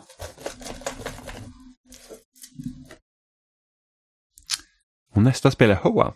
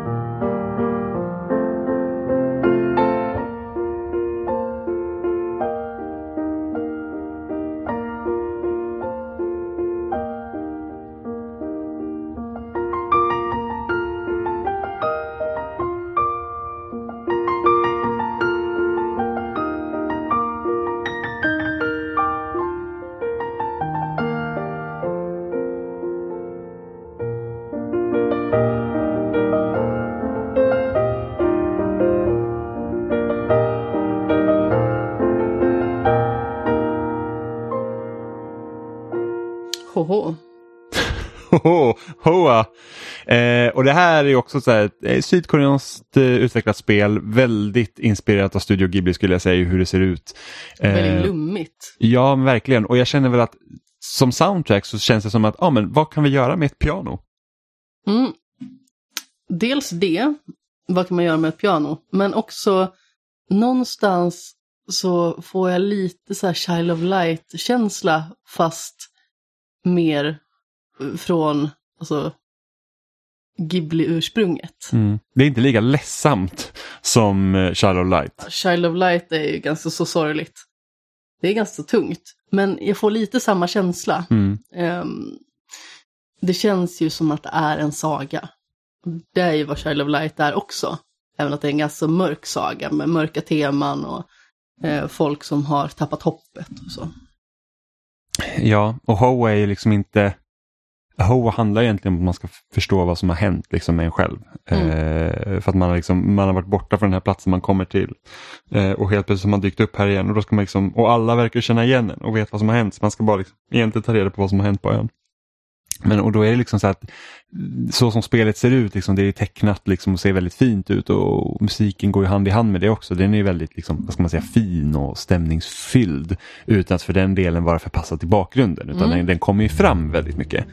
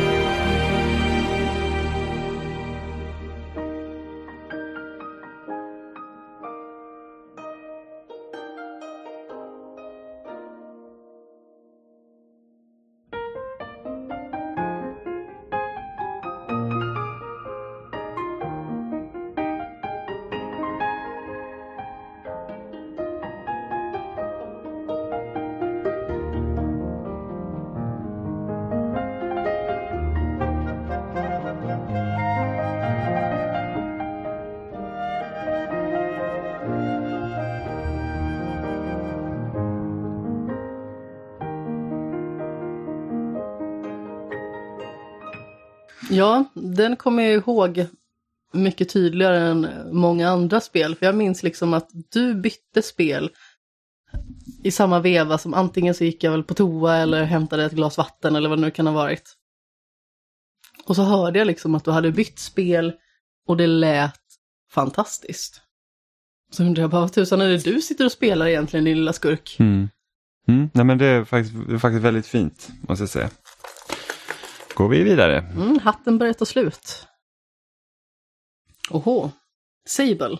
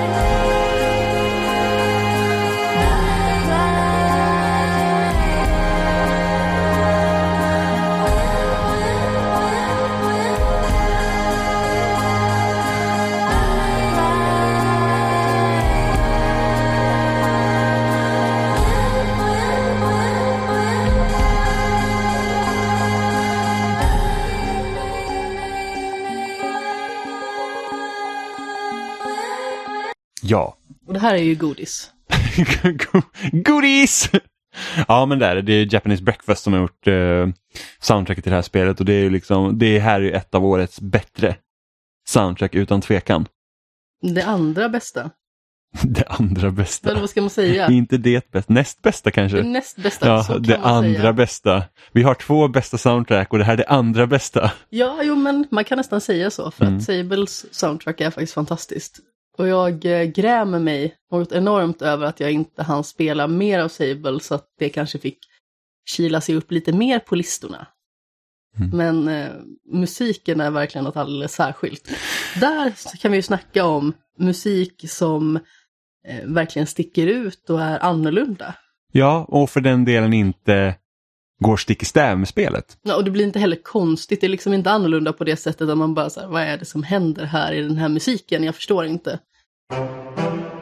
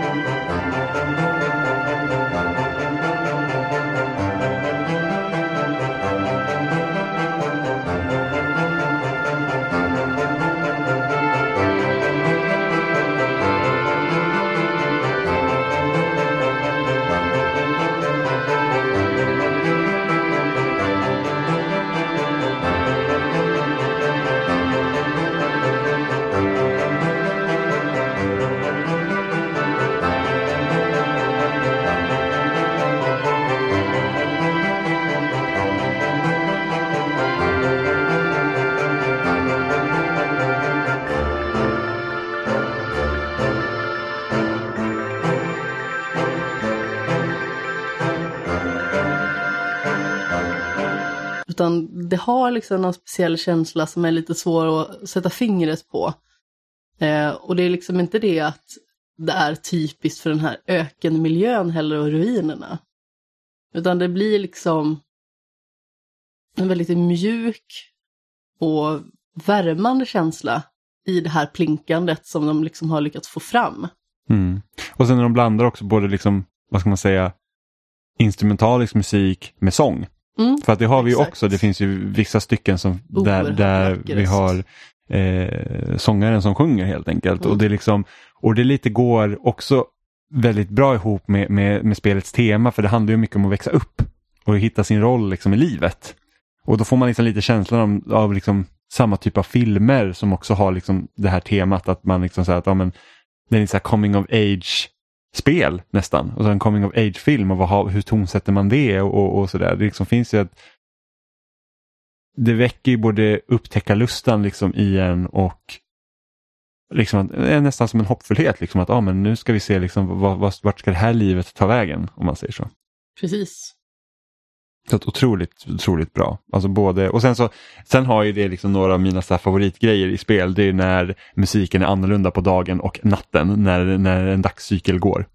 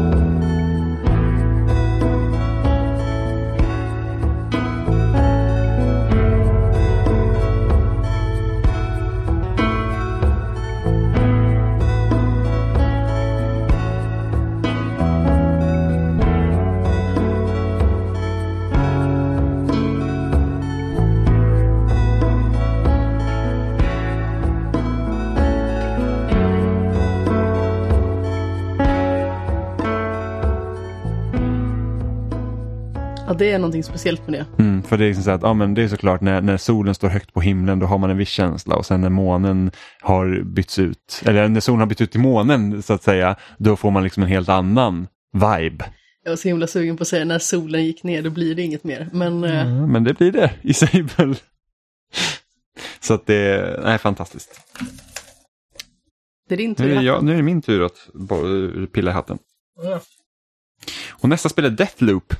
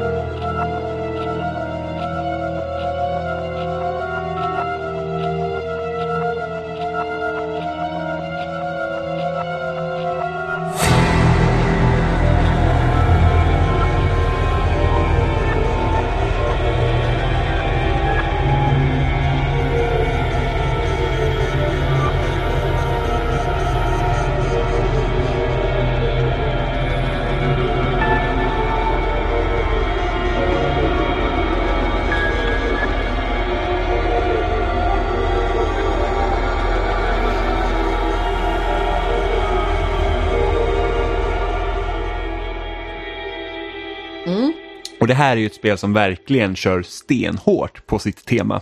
Eh, och när vi pratar om typ James Bond spionskurkerier så finns det i det här spelet också. Mm, jag tycker ändå att det är lite oväntat, för jag hade tänkt mig, med tanke på att jag verkligen får vibbar från typ Bioshock Infinite när jag ser spelet, så hade jag kunnat tänka mig att det skulle låta lite mer som det. Ja, okej. Och Jag, jag, jag tror att jag har... Jag har nog liksom sett för mycket av de här typ animerade sekvenserna i trailers och sånt där det känns väldigt 60-tal. Mm, jag har kollat för lite på det där. Och, och, och, liksom, och, och inte för att musiken tar inte överhanden på något sätt i det här spelet för att det är liksom, den är inte närvarande så mycket men jag tycker verkligen att den, den passar väldigt bra in med, eh, med hur spelet ser ut egentligen. Eh, Ja, och alltså liksom, Bioshock Infinite och Deathloop kommer ju från väldigt olika tidsepoker. Ja, precis. Så det är väl första Bioshock som utspelar sig ungefär samtidigt Ja. som eh, Deathloop. Men jag vet inte, det var någonting i mitt huvud som bara så här, jag får lite vibbar av det här. Ja, men tänker man också vad målet är med spelet, att man, man är egentligen som en agent för sig själv. Liksom. Det är inte som att du arbetar för en stor organisation eller något sånt, men det är så att spelar du som Colt så är ditt mål att komma ut ur loopen och då måste du liksom, då måste du liksom ta ut de här olika targets. Det är nästan som liksom ett hitman.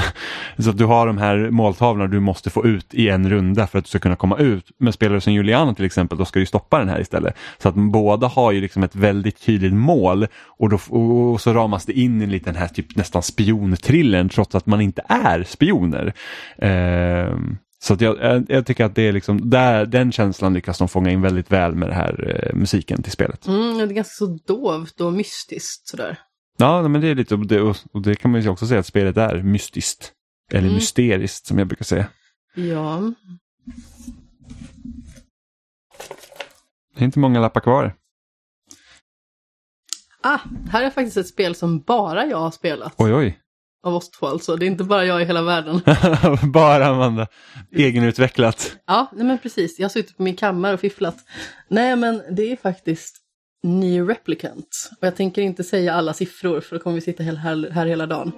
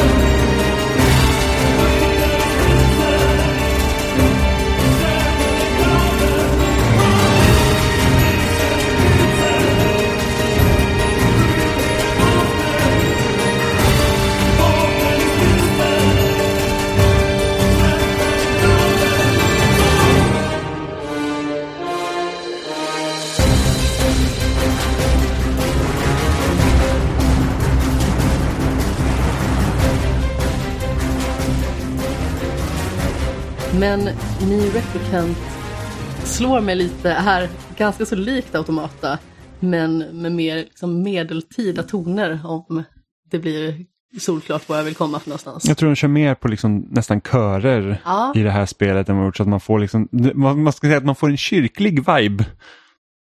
Mm, det känns lite som att man har dragit in lite smyg-Witcher i eh, Nier Automata.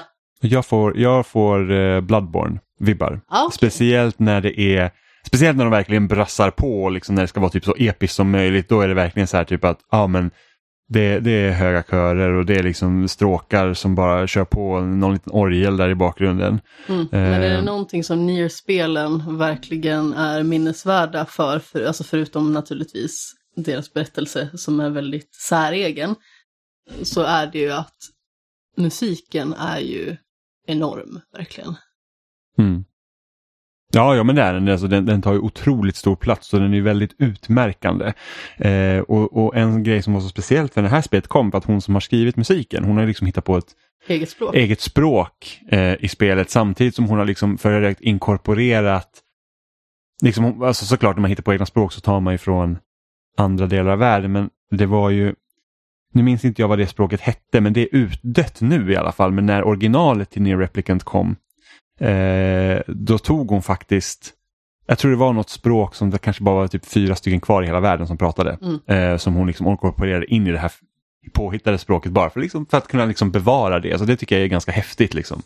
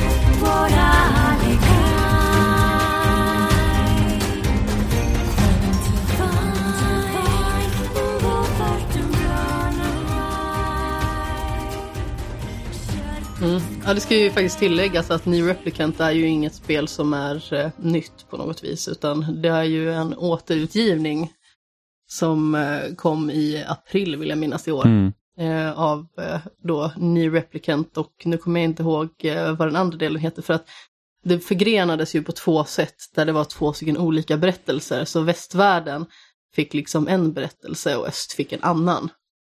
Ehm, Jag tror det även skilde sig vilken plattform du köpte på. Jag tror 360 fick en och PS3 fick en. ja, så är det mycket Så möjligt. det var ner Replicant och Ja, Replicant är ju eh, den versionen som inte vi i väst har fått ta del av precis. tidigare. Eh, Och sen den andra var ner Gestalt. Gestalt var det ja. Precis. Och det är ju den som eh, fortfarande finns tillgänglig att köpa. Mm. Jag har inte spelat det tidigare, men jag tycker verkligen att New Replicant är kanonbra. Det märks på vissa sätt att det är ett gammalt spel. Eh, väldigt tydligt från den eran det kommer ifrån att det var liksom det här lite gråbrun, dassiga, även liksom i grönskan. Eh, det är sånt som man ser i till exempel Gears och så också, liksom att det är väldigt tydligt vilken era det kommer ifrån. Mm. Men eh, fortfarande liksom berättarmässigt och berättelsemässigt ett otroligt bra spel verkligen. Mycket spännande och väldigt känslosamt. Ja, men det, jag ska spela det någon gång. Det tar sin tid att komma in i kan jag säga, så man behöver ge det sin tid. Ja. Men så är det ju även med automata, jag menar hur många slut finns det? Ja, men precis. Jag har ju bara spelat ett slut i, i uh, Ner Automata för att jag jag, tror jag har tagit fem. jag tycker inte om att spela omspel på det sättet. Mm.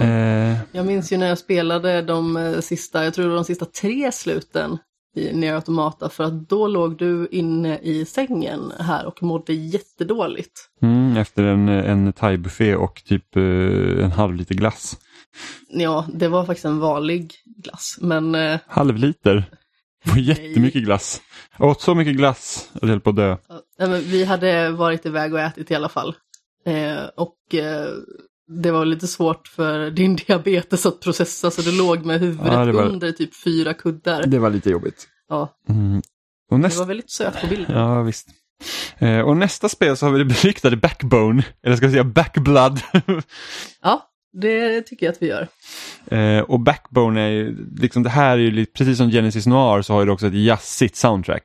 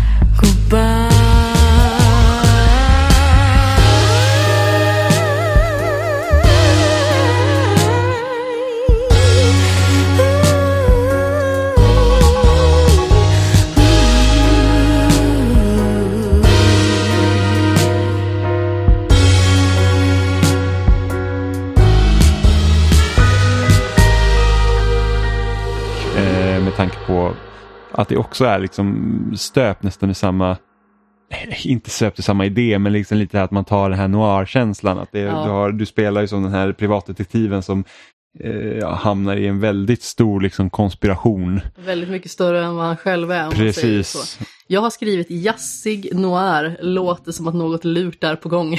Ja men det är lite så. Den, den, jag känner att eh, om man har sett liksom typ den här typen av filmer eller annan populärkultur som går in i samma liksom område så, så, så är, känner man ju väldigt igen liksom hur det låter. Och liksom du har ju de här liksom jazziga tonerna och sen så har du liksom också den här ehm, typiska den här liksom sångerskan också så här, du går, kommer in i en mörk rökig bar där liksom du har någon som står och sjunger liksom eh, Mm. och, och det är liksom mm, strålkastarna enbart på henne och det är liksom Mm. det är den känslan. Men det bringar en känsla av att man liksom stryker omkring och försöker att eh, nysta i det här mysteriet på väldigt okonventionella vägar.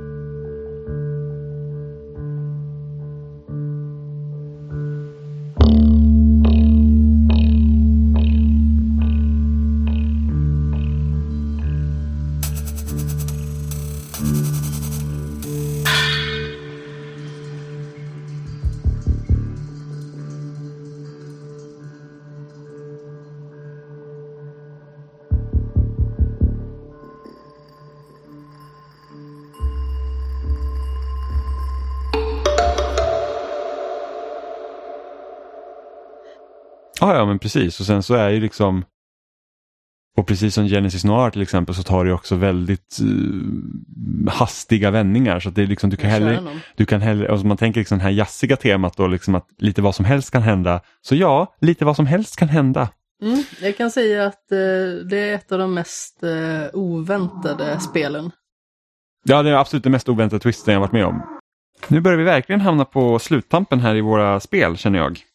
Och då är det Narita Boy som gäller.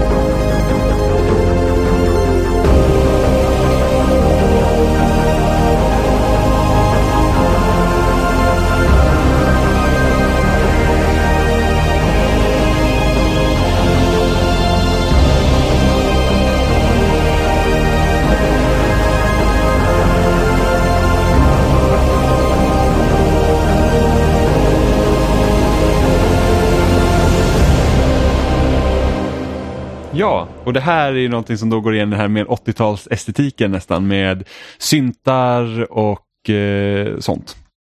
Syntar och sånt. Syntar och sånt, men även lite oväntade med liksom körer och det, är liksom, det vet om när det liksom ska trycka i, trycka på helt enkelt.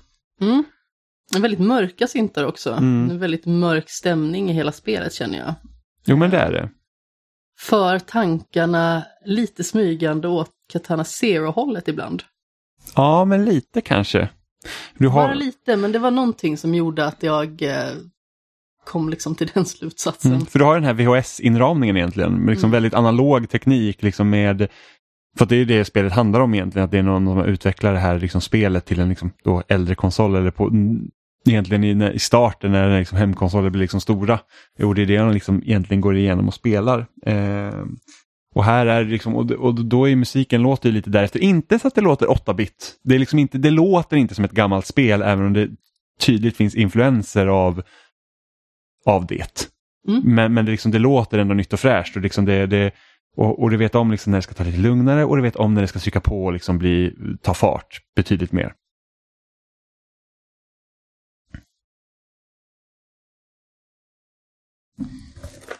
Näst sista spelet då? Nej, det måste vara två till. Det är två till. Nej, men två till efter det här. Har jag missat någonting då? Mm, det beror på vad du har på de här två. Vi får se vad som händer. Tales of Rise. Mm. Här har vi ju anime så det bara skriker om det. Ja, men det är det. Introlåten, det är helt bisarr.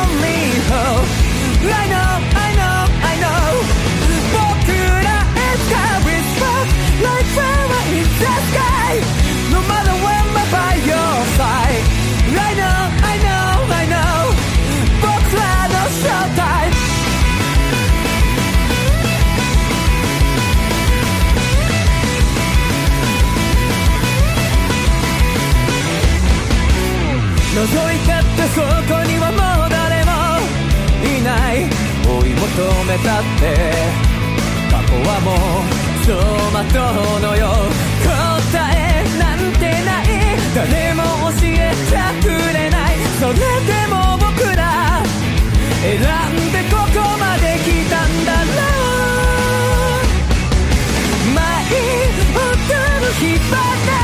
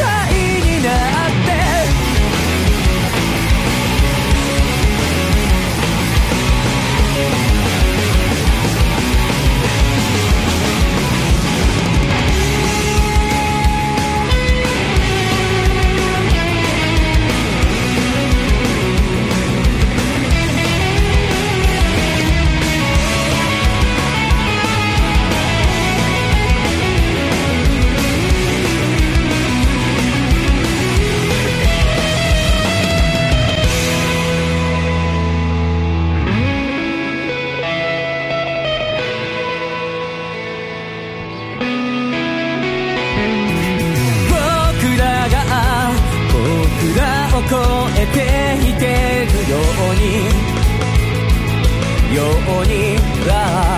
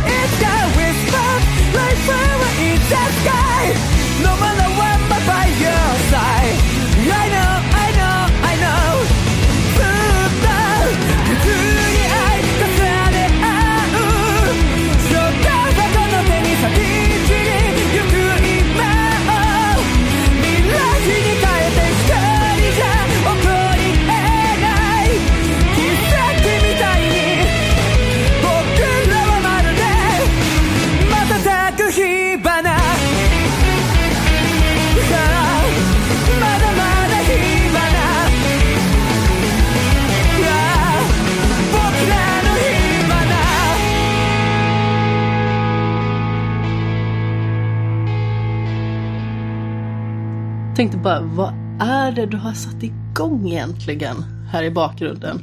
Det låter som en så här riktigt eh, eh, klassisk anime liksom. Men sen så övergår det lite mer i så här Final fantasy Ah, ja, men sen, sen blir det ju klassiskt JRPG istället. Eh, där du har liksom, det, det, är liksom, det är stråkar och det är Final fantasy, lite Chrono Trigger. piano. Det är liksom, det, det är ett ganska förväntat egentligen eh, eh, JRPG-soundtrack helt enkelt. Men jag måste ju ändå säga att jag tycker jag tycker att eh, stridslåten är ju extra bra. Liksom. Och det, det är väl någonting där jag känner att man kan, när man tittar på ett JRPG och där man vet att man kommer liksom att, ah, jag kommer att köra typ 500 strider i det här spelet minst innan det är slut. Och då känner jag att stridslåten måste vara liksom topp. Och det känner jag att det är här.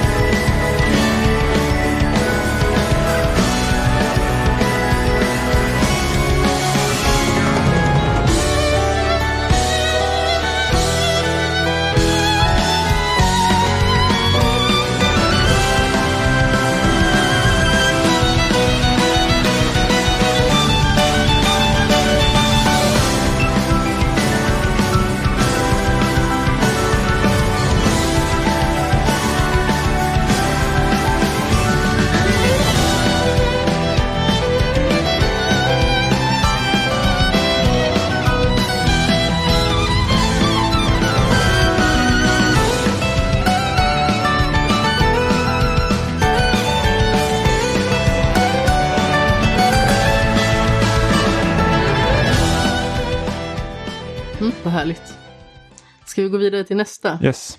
Det är ju tur att jag kanske har koll då på vad det är som är det sista. Eh, för att vi har ju här Cyber Shadow. Och det är ju precis som mycket annat retrospeligt. Väldigt energiskt och det känns som att det klär en ninja på något vis. Ja, och det här är, väl, det här är ju också ett liksom Precis som Shovel Knight till exempel, liksom ett, ett spel som ser väldigt mycket retro ut och sen så har det här att det, det liksom att om man tittar på klassiska 8-bit eller 16-bit titlar så är musiken har en sån stor roll där för att man liksom säger att ja, men det är så man liksom förhöjer känslan i de här spelen för att du kanske inte visuellt kan göra det på liksom samma sätt.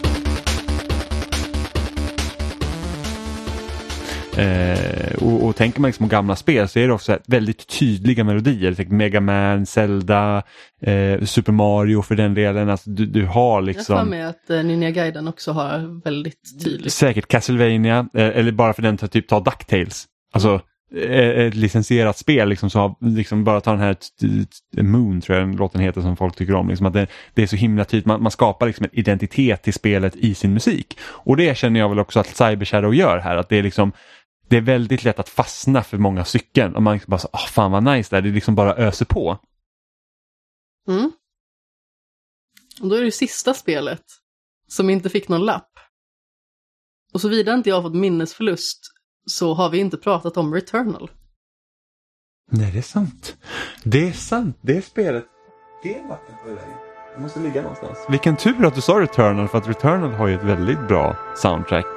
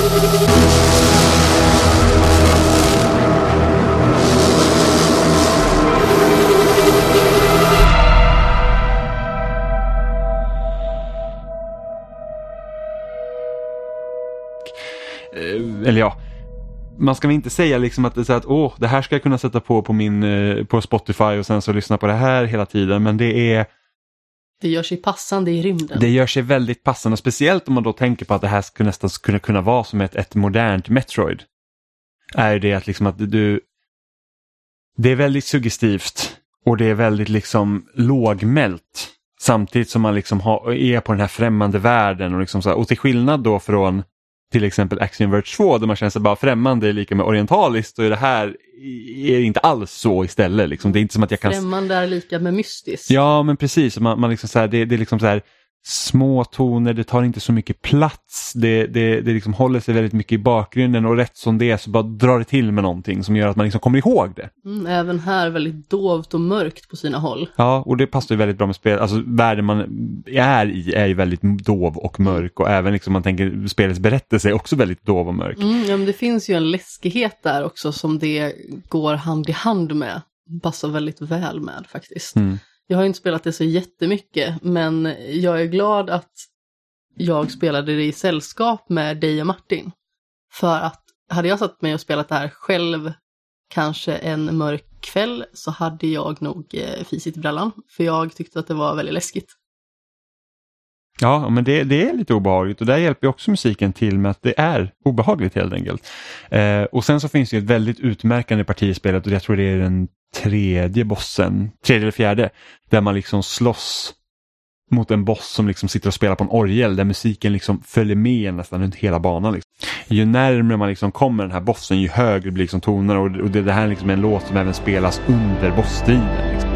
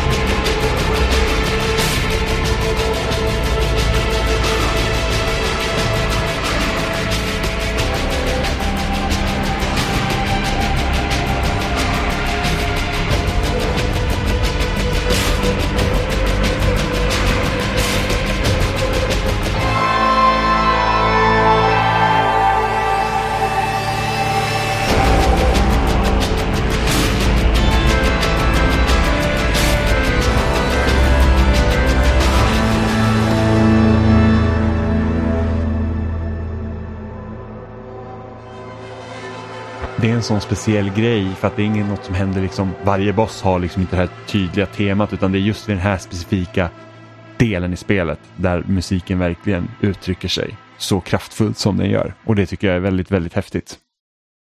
Ja, men det ger ju verkligen en egen identitet. Ja, och det finns ju liksom bara här. Eh, för att det är ju liksom, det är många sådana spel. Liksom, ta till exempel Guardians of the Galaxy när man liksom kan göra den här, eh, när man peppar upp sina kompanjoner och sen så spelas liksom en 80-talsdänga till exempel. Det, det, det blir ändå en speciell känsla. Eller typ när man spelade Alan Wake och sen så helt plötsligt kom den här, eh, deras liksom grupp eller rockgrupp som finns i de liksom, universum. Ja men precis, och spela liksom sin låt eller bara efter kontroll när det händer samma sak där när man kommer in i, liksom, i, i labyrinten. Eh, det sticker ut. Eh, men då är det också liksom då sticker det ofta ut för att ah, men det här är liksom en, en, vad ska man säga, en riktig låt med liksom sång. Lite samma känsla får jag också i Nier Automata när man hör Weight of the World. Ja men precis, det är ju liksom, alltså det, det är bara för att det inte tillhör vanligheten. Eller bara för att det är Super Mario Odyssey. Med den låten som spelas i New Donk City när man liksom springer igenom så här typ eh, retroinspirerad Mario-bana och det är liksom sång. Det är inte vanligt för ett Mario till exempel. Så det, det, liksom, det sticker ut och på samma sätt gör också det Returnal. Inte med sång, men liksom just den här orgeldelen liksom bara blir så här, man bara wow, shit vilken grej. Och med det sagt så var det alla spel vi hade för i år helt enkelt. När det kommer till spelmusik. Mm, det är korrekt. Det blev väl en 25-26 titlar kanske. Mm. Jag vill ju göra litet omnämnande också för Life is Strange True Colors för att eh, temat därigenom är ju väldigt mysigt. Men eh, det är också en hel del covers och sådant.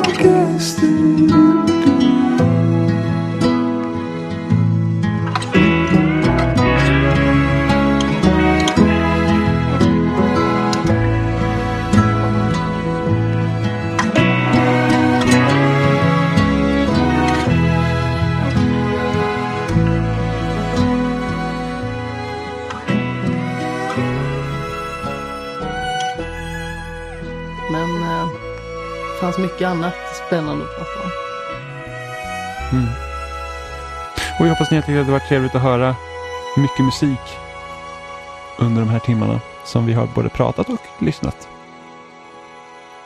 Och nästa år, eller nästa år, nästa gång, nu är det redan nytt år, nästa vecka så kommer vi också prata om vad vi ser fram emot 2022. Ja, det blir spännande. Ja, det blir väldigt roligt. Eh, och så kör vi ett år till helt enkelt med massa galenskaper.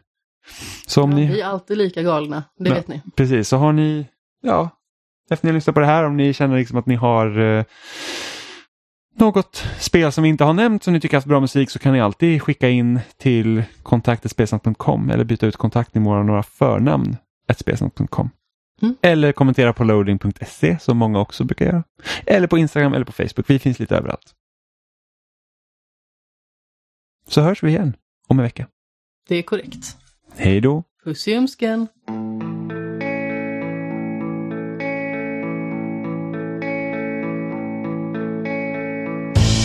City lights so far away on a trip or a long holiday. Take a drive downtown without a care. Cause you're high, I wanna be there. I wanna be there. City stars, pretty at night, sparkle softly, gems in the sky. I know you see them, I know you know that I love you wherever you go, wherever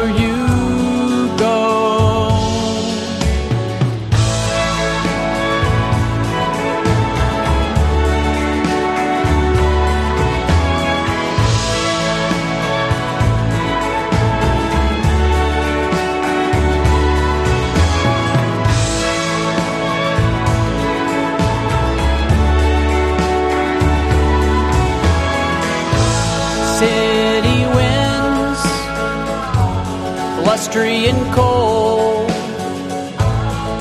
touches everything, makes it feel old. But you want me, always discreetly.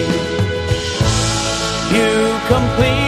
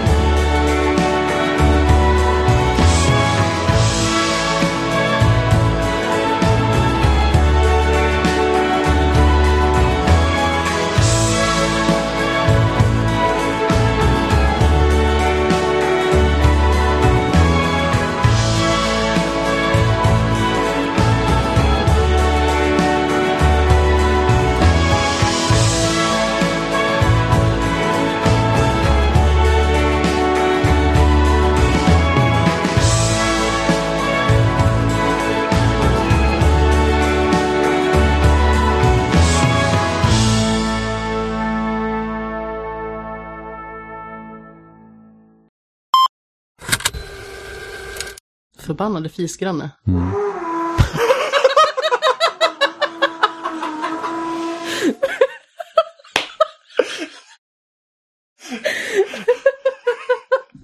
Ja, han blir arg. Även grannen är förbannad. Förbannade fisgranne.